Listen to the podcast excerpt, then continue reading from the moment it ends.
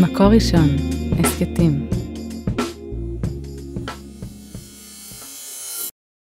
חכמי בית המדרש היו מתכנסים מדי פעם בפעם בעליות בתים שבעיר לוד כדי ללמוד, לקיים דיונים, הכרעות הלכתיות, אפילו הכרעות מדיניות כמו יציאה למרד באימפריה הרומית, לפעמים גם כדי להגות בשאלות פילוסופיות וקיומיות שהטרידו את מחשבתם. פעם אחת, כשהיו הזקנים מסובים בעליית בית ניצזה שבלוד, נשאלה השאלה הזו בפניהם. תלמוד גדול או מעשה גדול? הלימוד התיאורטי או המעשה הפרקטי? נענה רבי טרפון ואמר, מעשה גדול. נענה רבי עקיבא ואמר, תלמוד גדול. נענו כולם ואמרו, תלמוד גדול שהתלמוד מביא לידי מעשה.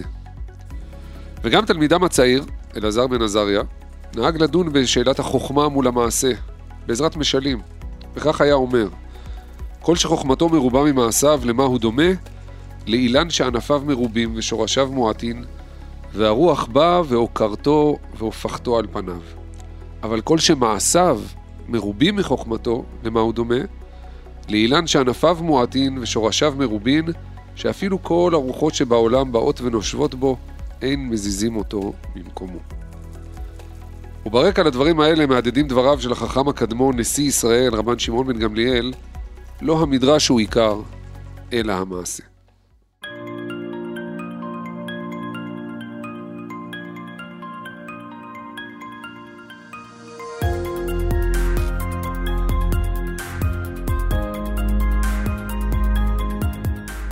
ברוכים הבאים להסכת של אומת החדשנות מבית מקור ראשון, אתם מאזינים לסטארט-אפ, שיחות על יזמות, על חדשנות, על יצירתיות ועל הקשר של כל אלה לראש היהודי ול Start-Up Nation.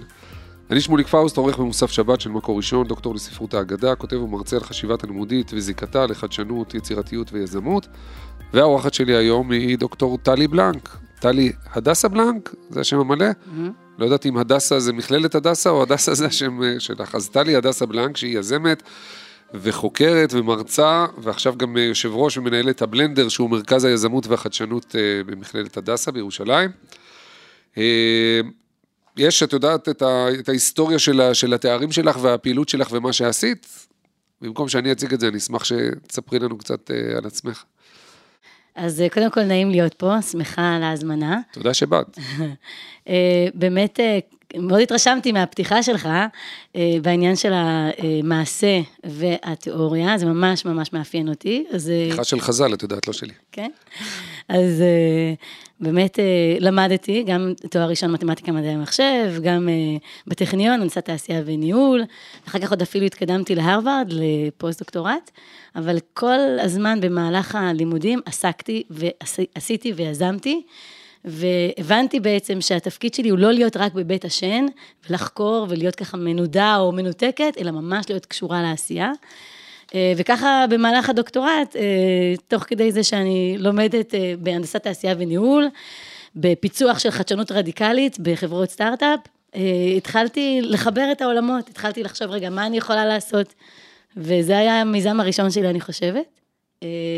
כן, המיזם הראשון שלי, שהקמתי ביחד עם שני חברים, יהושע ועופר, הקמתי מיזם שנקרא מנהיגות. והמנהיגות בעצם זה היה איזשהו מיזם של עשרת אתגרי הניהול, אה, והמענה שלהם מעולם התוכן היהודי. וואלה. כן, ממש ככה. אבל במקביל עשיתי ממש מחקרים תיאורטיים, אקדמיים, לגמרי לגמרי אה, חוויה מקבילה. אבל איך, איך הגעת ל... הפתעת אותי עכשיו, כי איך הגעת לעניין הזה של, של מענה לניהול מעולם התוכן היהודי? אה, האמת היא שהגעתי לזה עוד לפני זה, בגיל 24 התחלתי ללמוד קבלה. החלטתי שכל הידע שיש לי הוא ידע טוב ותיאורטי, אבל מה אנחנו עושים פה? ואז ידע למדתי... ידע טוב ותיאורטי, אבל מה, במתמטיקה ומדעי המחשב? מתמטיקה, מדעי המחשב, מנהל עסקים, הייתי סוחרת, אה, הייתי דילרית בחדר עסקאות, עבדתי בבנק איגוד אה, אוקיי. שבע שנים, כן, ו... אבל כל הזמן, השאלה בעצם, מה המשמעות? אז התחלתי במקביל גם ללמוד עוד דברים אחרים, אני בן מאוד סקרן. אה, ותוך כדי הלימוד, פתאום התחלתי לחשוב, רגע, אז אולי יש פה, יש פה עולם תוכן אדיר, ענק, אה, ואף פעם אין חיבורים ביניהם. וככה נולד החיבור. האמת היא, זה תודות לשותפים שלי, הם, הם גייסו אותי למעשה. אוקיי. אז זה מעניין כי אנחנו גם, אה, בטח תספרי בהמשך, או שנדבר על זה עכשיו. את הקמת, הזכרתי בהתחלה את, ה, את הבלנדר. כן. את חוקרת, את מרצה, בתחומים האלה של חדשנות ויזמות, ועל על הדברים האלה היו המחקרים שלך, כמו שאת אומרת, גם בפוסט-דוק בהרווארד. אה, אבל פה בירושלים, במכללת אה, הדסה, לפני כמה שנים, נכון? ארבע שנים, כן. ארבע שנים. אבל החידוש עכשיו, אם אני לא טועה, זה שיש לכם גם את, ה, את הקמפוס החרדי של אה, מכללת הדסה, ומרכז היזמות והחדשנות מתפשט גם לשם. כן. עכשיו, אני לא יודע אם זה אומר אה, בהכרח שצריך לעשות את החיבורים אה, התיאורטיים בין אה, עולם היזמות לתוכן היהודי, שזה קצת מה שאני מנסה לעשות פה בהסכת הזה, אבל, אה, אבל זה בוודאי לפתוח את העולם הזה וגם להיפתח אה, הדדית לעולם נוסף. אה, בהקשר הזה של האוכלוסייה החרדית שלומדת אצלכם. כן, תראה, קודם כל, אה, מכללת הדסה באופן כללי היא מאוד מיוחדת, יש לנו 70, יותר מ-70 אחוז נשים, אה, 20 אחוז מהם, כ-20 אחוז אה, חרדים, כ-20 אחוז ערבים, יש לנו ממש גיוון מאוד מאוד גדול, גיוון ירושלמי. ירושלמי טיפוסי, אה, אבל דומיננטיות נשית של סטודנטים. אה, וממש לפני שנתיים בעצם הקמתי את הבלנדר. הסיבה שהקמתי אותו בעצם, זה גייסו אותי לפני ארבע שנים להוביל את כל הנושא של יזמות וחדשנות במכללה. ואז אה, כשהגעתי אמרתי, רגע, איך אפשר להוביל יזמות אם אין פה מרכז, אם אין פה מקום שאנשים מתחברים ועושים דברים? אז אה, הבנתי... אני עוצר אותך תסבירי לי רגע את העניין הזה. היום נדמה לי ברוב או בכל המוסדות האקדמיים, אוניברסיטאות, קיים מרכז כזה, מרכז לחדשנות, לפעמים זה יזמות ו- ו- וחדשנות. אז חוץ מזה שהמילים האלה הם buzzwords, שעכשיו אה, זה כולם חייבים איכשהו שיהיה להם איזה, גם אם יש לך נגריה, אתה עושה מנהל מחלקה לחדשנות. אה, אז יש באקדמיה, אבל את אומרת שזה, שזה הכרח. כן, קצת מה שדיברנו קודם על, ה, על התלמוד גדול או המעשה גדול. בדיוק. אי אפשר רק לדבר תיאוריה, אלא גם אה, מעשה. אז מה עושה מרכז יזמות? אז, אז בדיוק, קודם כל, אז לפני שהגעתי לא היה מרכז, והחלטתי שחייב להיות, וממש לפני שנתיים הקמתי את המרכז הראשון אצלנו, בקמפוס הראשי.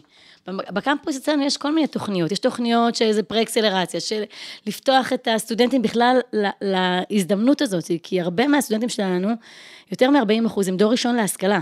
זאת אומרת, יש, מוב, יש רצון למוביליות חברתית, יש רעב מאוד גדול להתקדם ולהשיג דברים גדולים.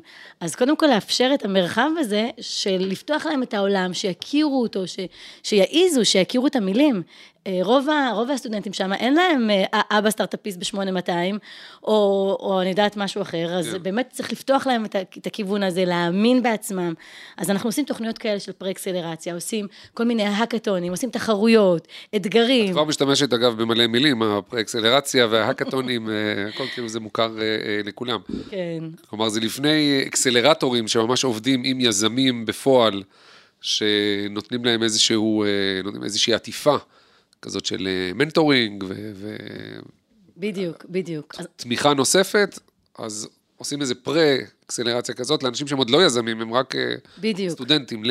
בדיוק. ותראה, כעיקרון, הסטודנטים, גם במחקרים שלי, אני תמיד מדגישה את זה, הסטודנטים הם הקהל האידיאלי ליזמות. למה? כי אין להם עדיין חובות, משכנתה, ילדים, משפחה. בדרך כלל הם עדיין צעירים, יש להם עדיין שאיפות מאוד מאוד גדולות, חלומות גדולים, והם מבחינת... בלי הפחדים והחששות שהמציאות אה, כבר אה, דופקת על השער. כן, גם, גם, אבל עדיין, עדיין זו הזדמנות, זה עדיין מקום ששם בעצם אפשר עדיין לעשות דברים, לפני שאתה לגמרי לגמרי נכנס לכבלים של המסגרת, של השגרה, של המשפחה, של החובות. אז קודם כל, מבחינתנו זה מקום אידיאלי להתחיל שם. עכשיו, באמת, כמו שאמרתי, הקהל שלנו הוא קהל ממש ממש laid back, הוא ממש לא נמצא בעולם היזמות. זה כמו שאומרים Start-Up Nation, אבל וואלה, יש פה שכונה שבכלל לא נמצאת בעולם הזה.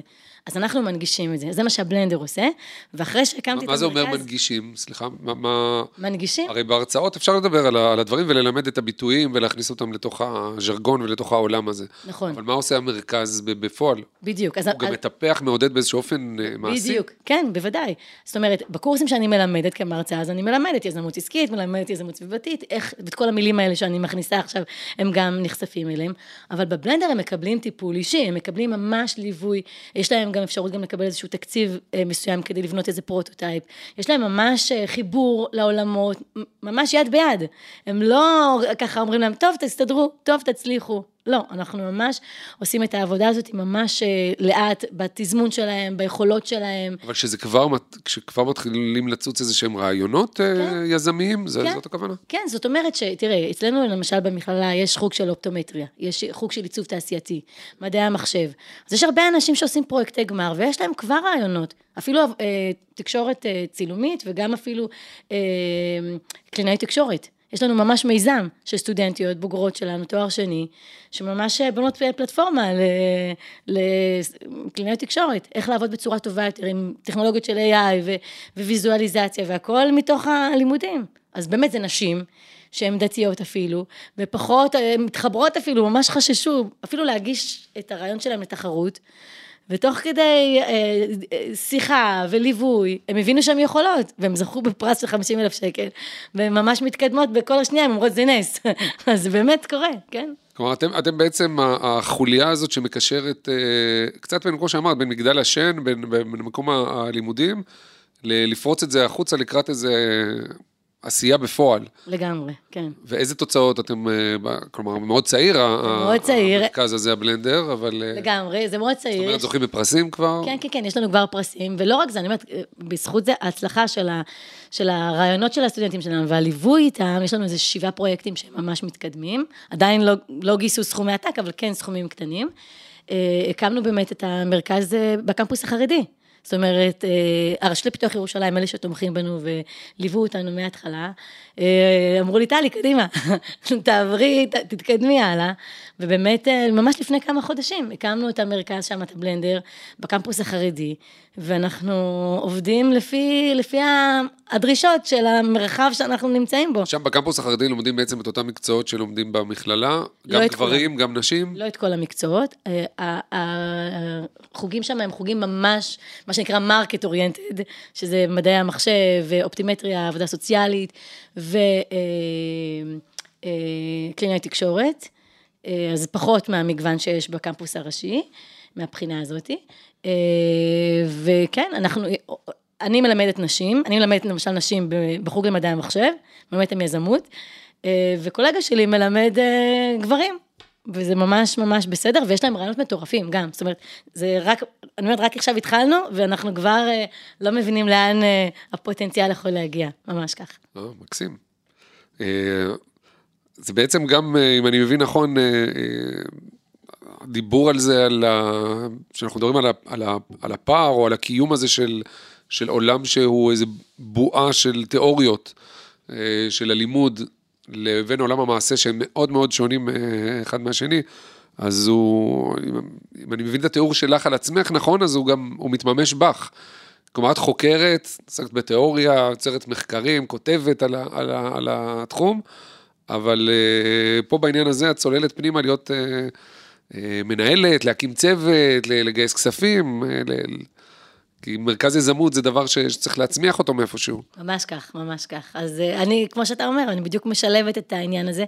אני חושבת, אה, אולי גם ה- ה- הייחודיות של הדסה, בגלל שהיא מאוד אה, מקו- מקוונת לשוק, לתעשייה, ושהבוגרים ממש יוכלו לקבל את הכלים, אז זו הסיבה שאני מרגישה ממש נוח שם. זאת אומרת שהציפייה ממני היא גם באמת לעשות וליזום ולהיות קשורה לעשייה.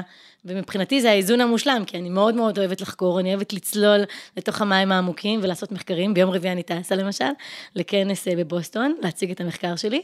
אה, ויחד עם זה, אני מאוד מאוד נהנית מעולם העשייה, כי זה מאפשר לי את כל היצירתיות בעצם ליישם אותה. זאת אומרת, זה לא רק לדבר על יצירתיות ולחקור אותה ולספר, אלא ממש לקפוץ walk למים. the talk. אקזקטלי. וזה גם, אה, אני חושב, אה, מודל, דוגמה לסטודנטית או לסטודנטים שלך. כלומר, אה, זו לא רק מרצה שמדברת תיאוריה, אבל אין לה שום מושג איך זה נראה כשזה יותר מתלכלך בשטח, אלא היא יכולה לדבר על ניהול לא רק מסטטיסטיקות ומחקרים איכותניים, אלא לדבר על ניהול כי, היא מנהלת, ועל גיוס כי היא מגייסת, ועל עבודת צוות כי היא עובדת בצוות, וכל מה. שקשור ב... ממש, ממש, ככה, ואני יכולה עוד להגיד יותר מזה, ש... אה, ב- מאז שבעצם עשיתי את הדוקטורט, אז אה, החשיבה שלי הייתה יותר אה, לכיוון המחקר, לכיוון התיאוריה, לכיוון האקדמיה.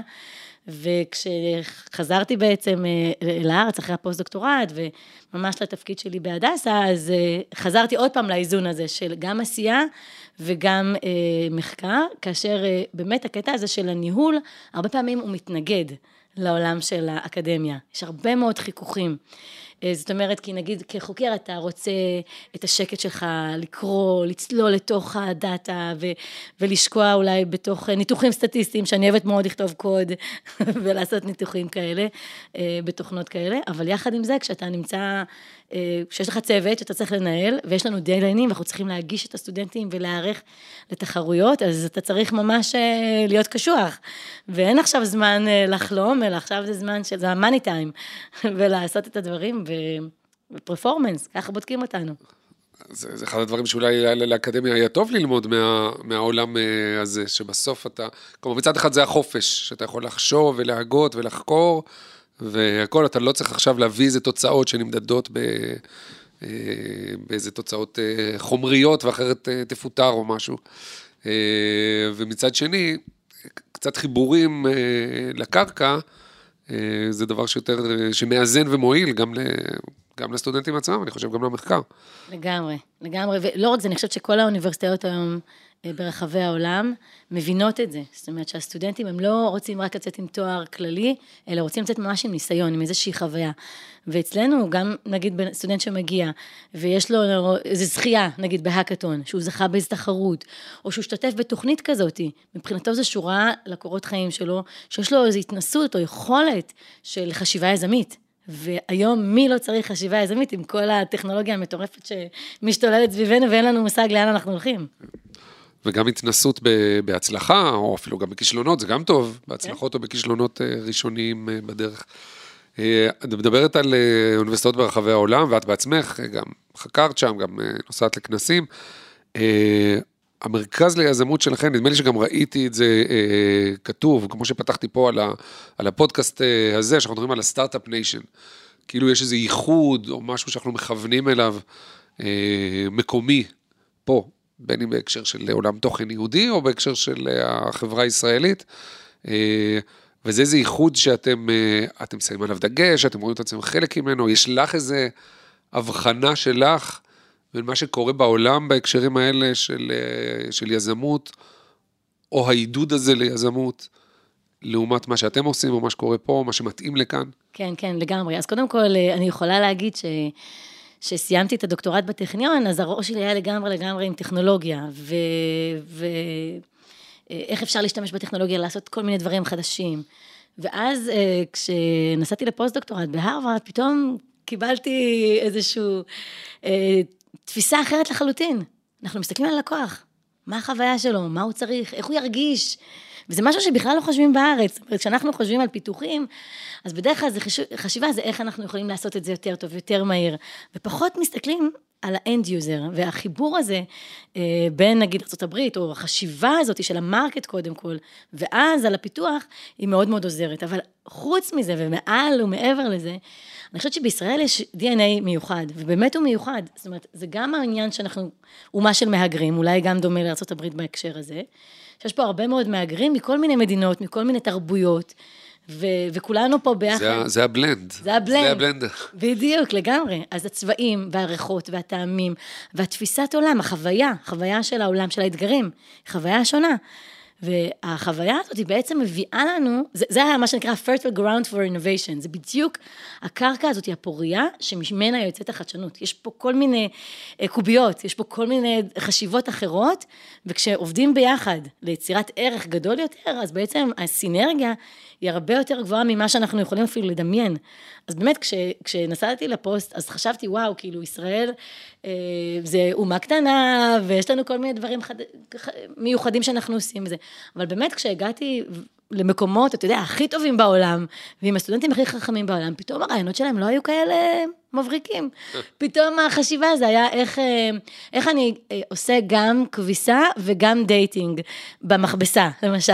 או איך אני עושה kit למסיבות, שיש שם גם אלכוהול וגם את ה after party. כאילו כל מיני דברים שנגיד בישראל זה משהו שאני חושבת, רוב הסטודנטים, רוב החשיבה היא לא שם. אנחנו כאילו בחשיבות אחרות, בעולמות אחרים, באולי אתגרים אחרים.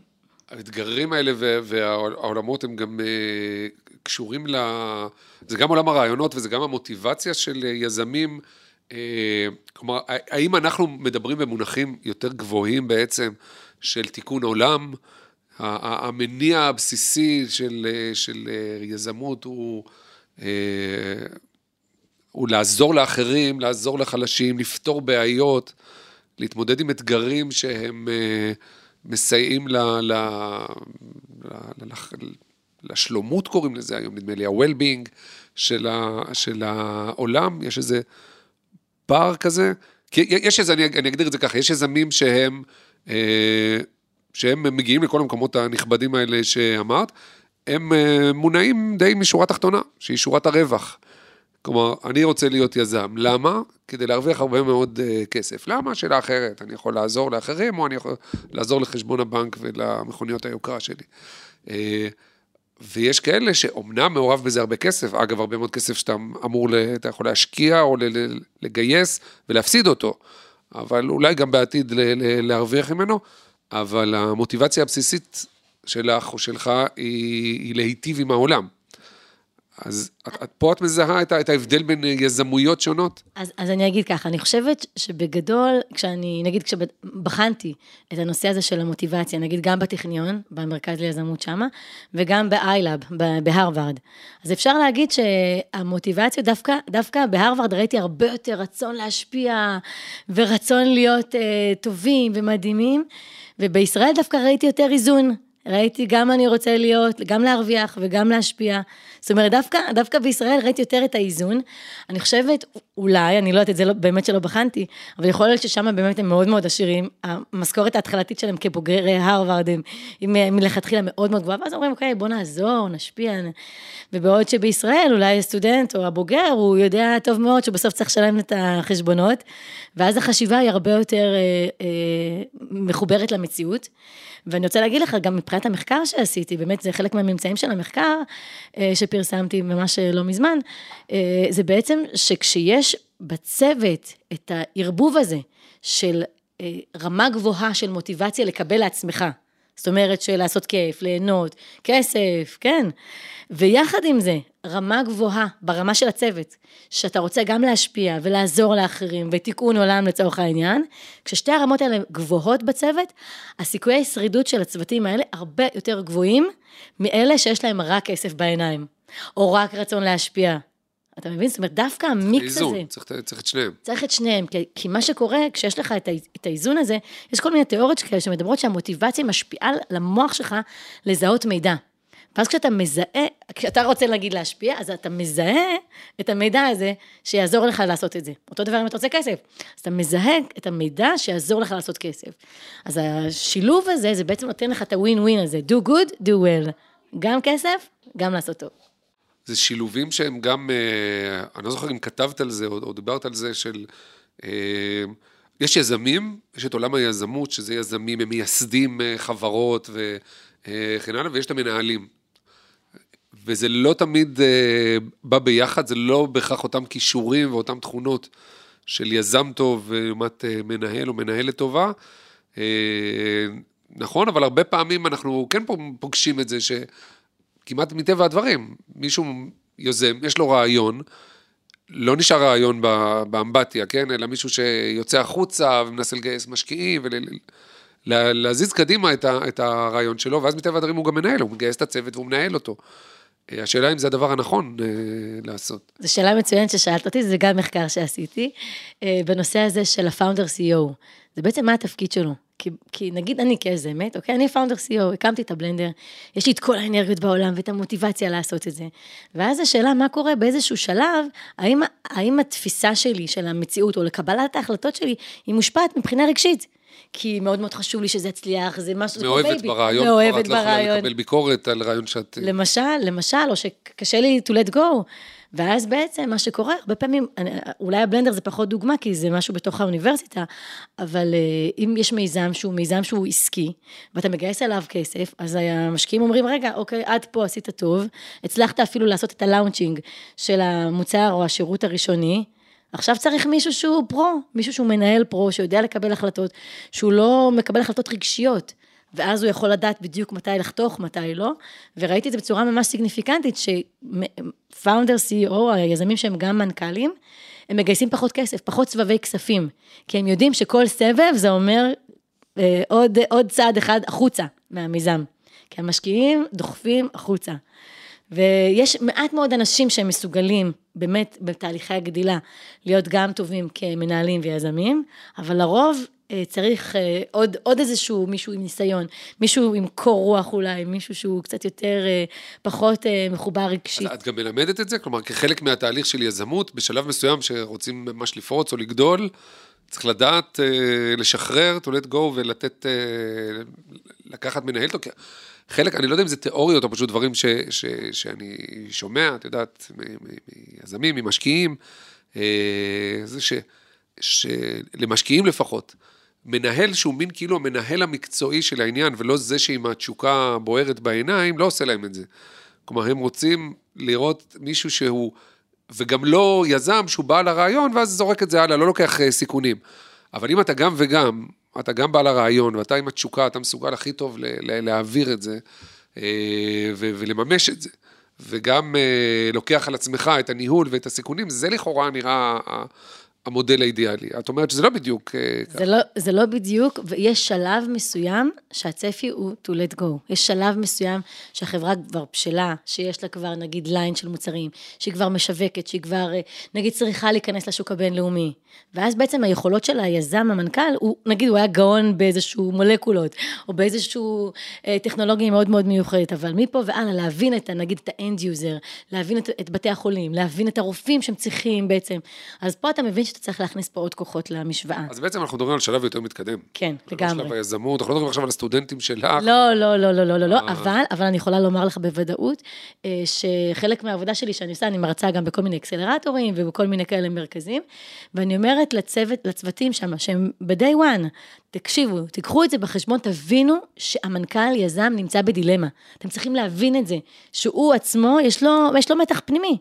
כי הוא מצד אחד רוצה שהמיזם הזה יצליח, הוא משקיע את הנשמה שלו, הוא, עושה, הוא לא ישן בלילות, מדברים, יש מלא מחקרים שמדברים על חרדות ועל מחירים משפחתיים שהבן אדם הזה משלם, אבל אתם צריכים להבין שיש לו הוא עצמו באיזשהו אה, דילמה פנימית, מתי לשחרר, מתי בעצם אה, אה, לעזוב, ואני אומרת להם, אתם כצוות, אתם צריכים להיות מודעים למצב הזה, ולהגדיר ביחד, לשים את הכל על השולחן ולהגדיר מה מתאים, מה לא מתאים, מתי אנחנו רוצים, מתי זה לא, כדי שזה לא יהיה איזשהו פיל לבן שאחר כך אה, לא, לא מדברים על זה, ואז נכנס לסטטיסטיקה. אפילו לא שמים לב ולא יודעים מה הבעיה, למה זה נעצר או למה, מה קורה. לגמרי. דיברנו על, ה... על המתח הזה בין אה, אה, תלמוד למעשה, אז מזכיר לי שבוודאי אה, בספרות התלמודית, לצד זה יש גם את המתח או את הפער לפעמים שבין כוונה למעשה. ושאלות, עד כמה המעשה צריך כוונה, או אם כוונה לבד, מחשבה טובה, זה נקרא מחשבה טובה, הקדוש ברוך הוא מצרף למעשה. יש כל מיני דיונים, אפילו מאוד הלכתיים, בהקשר הזה. אני חושב, גם סטארט-אפים יש, דיברנו על שלבים, יש שלב, אנחנו מדברים על היזמים, יש שלב של הכוונות, ויש אחרי זה שלב של המעשה, יש את השלב של, ה, של המעשים, ויש כוונות טובות שבכלל לא מצליחות להתרגם למעשה, אולי בשביל זה צריך את ה, משהו כמו הבלנדר, אה, אבל יש גם פערים שנוצרים, כלומר, אה, אתה מתחיל עם, עם כוונות, רעיונות מסוימים, אבל בתהליך התרגום שלהם למשהו פרקטי, אז נוצר איזה פער מאוד גדול בין הכוונות הטובות או סתם הראשוניות לבין אה, הביצוע בפועל. כן, כן. אז גם על זה עשיתי מחקר, האמת, עם קולגה מצרפת. אה, באמת, אה, לצרפתים יש בעיה. הם, אין להם כמעט הרבה סטארט-אפים, הם מנסים, בכלל, לא רק בצרפתים, באירופה, מנסים להשקיע המון המון כסף, כדי שלעודד אותם, שיעשו, והם לא זזים. ואז באמת קולגה מפריז הזמינה אותי, היא באה לישראל, והיא כל כך התלהבה ממה שקורה, אמרתי, בוא, בוא נעשה משהו ביחד. והיא אמרה, אצלנו יש מלא מלא כסף שמושקע, והסטודנטים אפילו יכולים להיות במצב שאחרי הלימודים יש להם סטטוס של סטודנט, ולקבל את כל ההטבות, ורק להמשיך ולעשות ולממש את האינטנשן, את הכוונות האלה להיות יזם, ומה שרואים שיש פער בין הוואנאבי לבין שממש הוא עושה את העבודה. ואז ניסינו לפצח את השאלה הזאת, ניסינו להבין למה, למה הם לא עושים, למה הם לא זזים. אז כמובן שכשהגעתי לפריז הבנתי, כי חיים טובים, יש קרואסון בבוקר, יש, יש בגט, יש... אתה יושב בכלל בבית קפה עד הצהריים. בדיוק, אתה מתחיל באיזי, אתה מסיים באיזי. ו- ולהיות יזם זה קשה, זה ממש ממש קשה, זה דורש ממך המון שעות, המון הקרבה, המון אה, אה, פניות לזה. אז השאלה, למה להיכנס לזה בכלל? ואז זה בדיוק מה שחשבנו, זה בדיוק מה שניסינו לחקור, למה? ובדקנו בעצם את הדלק, ניסינו להבין מה מניע אנשים שיש להם כוונה, אבל הם עושים את זה, או שיש להם כוונה והם לא עושים את זה. וניסינו לראות איזה סוג מוטיבציה, מה, מה בסוף הבטריה הזאת שאומרת להם תעשו או לא תעשו. ותמיד חשבנו שהרבה זה טוב. הרבה מוטיבציה, הרבה התלהבות, הרבה כן, פשע, נכון. נכון? זה טוב. אבל וואלה, בעולם היזמות צריך להיות, אה, לא, לא להיות ברמות יותר מדי גבוהות, כי כגודל הציפיות, כגודל האכזבות. בדיוק. ואז באמת ראינו שאנשים או יזמים שהיה להם ציפייה מאוד מאוד גבוהה, או מוטיבציה מאוד גבוהה להיות עשירים, או שיהיה כיף, ושנהנה, ושזה יהיה החוויה הכי טובה, זה לא ככה. החיים האמיתיים, במיוחד בעולם היזמות, כשאתה מתחיל צוות, מתחילות מריבות, מתחילות, מתחילה עבודה קשה, פתאום רואים שוואלה, הכסף לא מגיע כל כך מהר, צריך לעבוד, צריך, אתה צריך בכלל להשקיע מהזמן שלך, אתה צריך אפילו לשים איזשהו כסף ראשוני. ואז מתחיל העניין הזה, רגע, אז אולי באמת אה, לא כדאי לי. אז, אז דווקא אלה שיש להם ציפיות מתונות, והם אומרים, אוקיי, בוא ננסה, מקסימום, ניסינו. דווקא הרמות הבינוניות האלה, הם אלה ששמרו על האינטנשן, על הכוונות, בעצם ליישם. אלה שהיו להם רמות אה, ציפייה או רמות מוטיבציה גבוהות, הם לא המשיכו. ואולי זה גם אה, חלק מהטיפים שבהמשך אני אוכל אה, לתת למי שנמצא שם במרכזים האלה. כן, האסוציאציה שלי היא מאוד, היא קצת רמב"מיסטית, שביל הזהב. מאוד לאהוב את המידה הבינונית הזאת. אל תהיה יותר מדי משום דבר, זה לא, לא, לא מבשר טובות. צריך ללכת על איזשהו שביל באמצע. בהקשר הזה את אומרת שזה בגלל עודף הציפיות, כלומר גודל האכזבות. בעצם, שמנבא, אני לא יודע אם לפי המחקר שלכם זה, זה, זה מנבא את הכישלון או את, ה, את יכולת השרידות בסטארט-אפ. כן, הם פשוט, הם פשוט לא מימשו את הכוונות. היה להם, היה להם את הכוונות להיות, הם התחילו תהליך, הם היו במסגרות כאלה, זה נקרא מסגרת פטית כזה בארצות, בצרפת, והם לא המשיכו. אז, אז... זה אכזבות או זה גם אה, פשוט. התקוות או הציפיות לא היו ריאליות? כלומר, יש כזאת רשימה, אה, כן, כמו לצאת לדייט עם, אה, עם צ'קליסט מאוד מאוד ארוך ולא ריאלי, ואז לעולם לא תוכל לממש את זה. או שזה פשוט משהו ב, ב, בתכונה הזאת, כלומר, אתה כל כך אה, מוצף וכל כך ביתר, במוטיבציית יתר, שאתה אולי לא רואה סכנות, או לא רואה את, ה, את, ה, את הפרקטיקה של איך אפשר לממש בפועל את הכוונות המאוד אה, גבוהות שלך.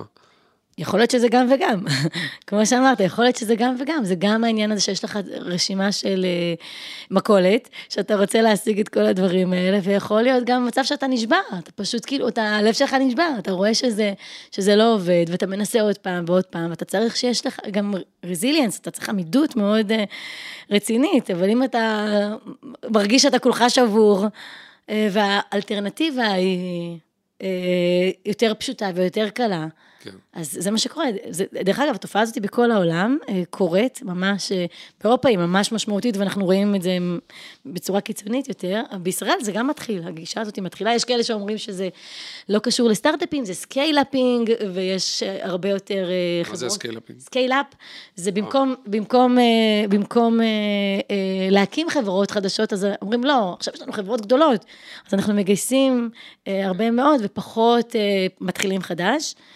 אה, יש כל מיני סיבות, בפועל אנחנו רואים שיש פחות סטארט-אפים, וזה, מבחינת הכלכלה, זה לא טוב. אז לכן מעודדים. לכן, לכן, מקימים אה, בדיוק. מרכזים ל- לעודד ולטפח, בדיוק. ודברים שנשמרים גם אחר כך, כלומר, דיברת על הפרה, אבל אה, אקסלרטורים זה, זה, אם אני מבין נכון, זה דומה למרכז הזה, רק ליזמים בפועל כבר, שצריכים נכון. גם הם את ה... את ה עידוד או את התמיכה הזאת, או לתת להם את המענה למה שצריכים, כשכבר קפצו עם הרגליים אה, פנימה. נכון, ולא רק זה, גם העניין הזה שכשהסטודנטים שלנו, או אפילו הבוגרים שלנו, חווים את התהליך הזה של, ה, של הפיתוח מיזם, גם אם הם בסוף אומרים, טלי, אנחנו לא מצליחים, עזבנו, אנחנו נחשוב אולי בהמשך. וזה קורה לי, ממש אה, סטודנטים שסיימו, ואז הם חוזרים, טלי, אנחנו רוצים לחזור. מה עושים, איך מתניעים את זה? אז מה שגם הם לוקחים איתם זה את החוויה הזאת, את התהליך הזה, זה נקרא entrepreneurial mindset. זה החשיבה היזמית, שברגע שאתה נמצא בעולם, אתה חווה אותה, אז אתה גם לא מפחד, אתה יודע איך זה קורה, אנחנו נכשלים, אנחנו מדייקים, אנחנו עובדים בלופים, כן? אבל אנחנו מתקדמים. זה נראה לפעמים אנחנו במקום, אבל באמת שלא. אנחנו כל הזמן גדלים, ואנחנו יודעים, הרוב זה כישלון. אבל יחד עם הכישלון, אה, יש אה, גם הרבה הצלחות ויש שינוי, אנחנו רואים, העולם משתנה כל הזמן, אז אי אפשר. זה, שומעים שוב ושוב את, את האמירה הזאת, אני גם הזכרתי את זה קודם, על עניין הכישלון, וזה אמור להיות הדבר הכי אה, מוריד בעולם.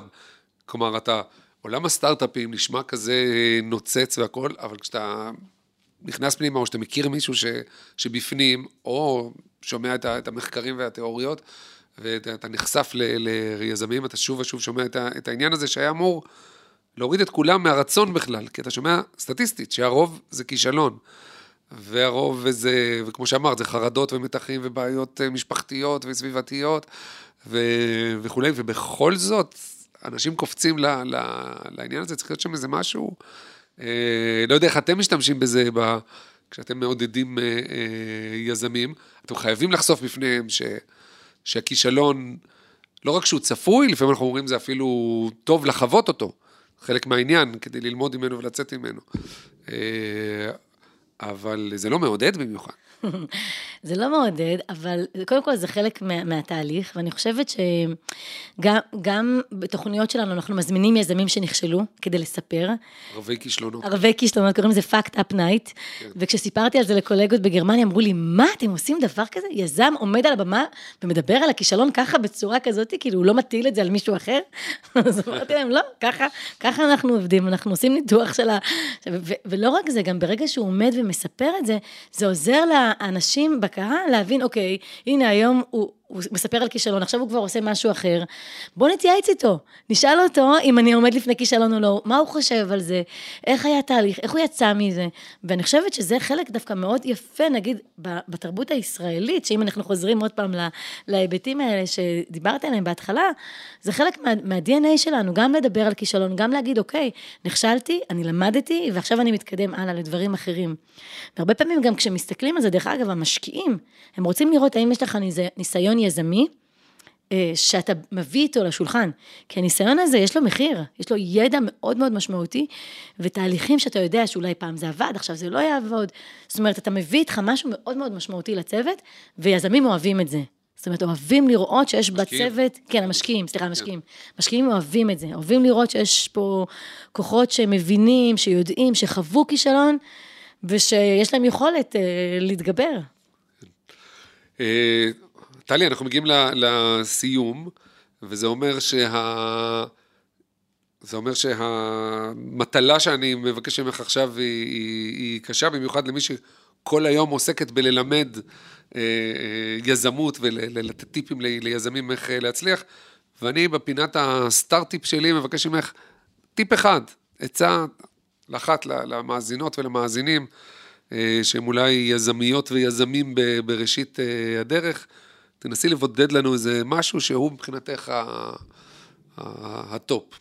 עם זה היית שולחת אותם אה, ברכת הדרך.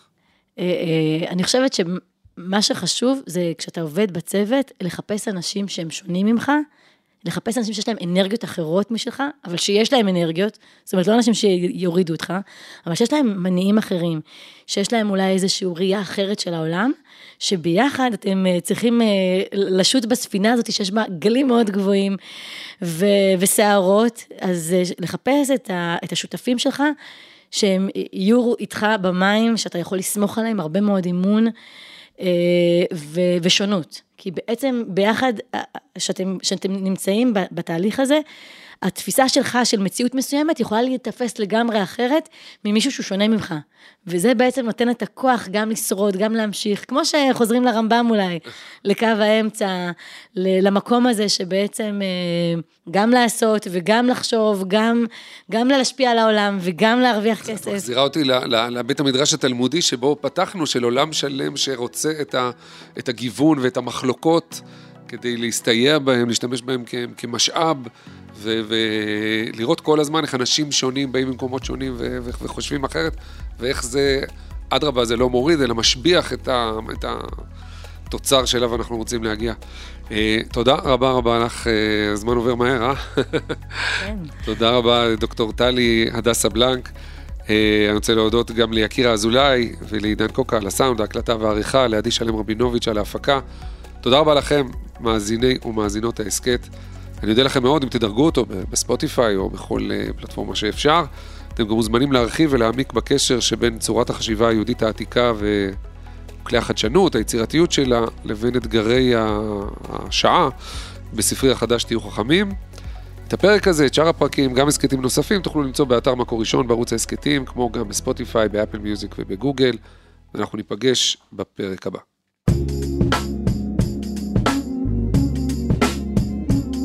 מקור ראשון, הסכתים.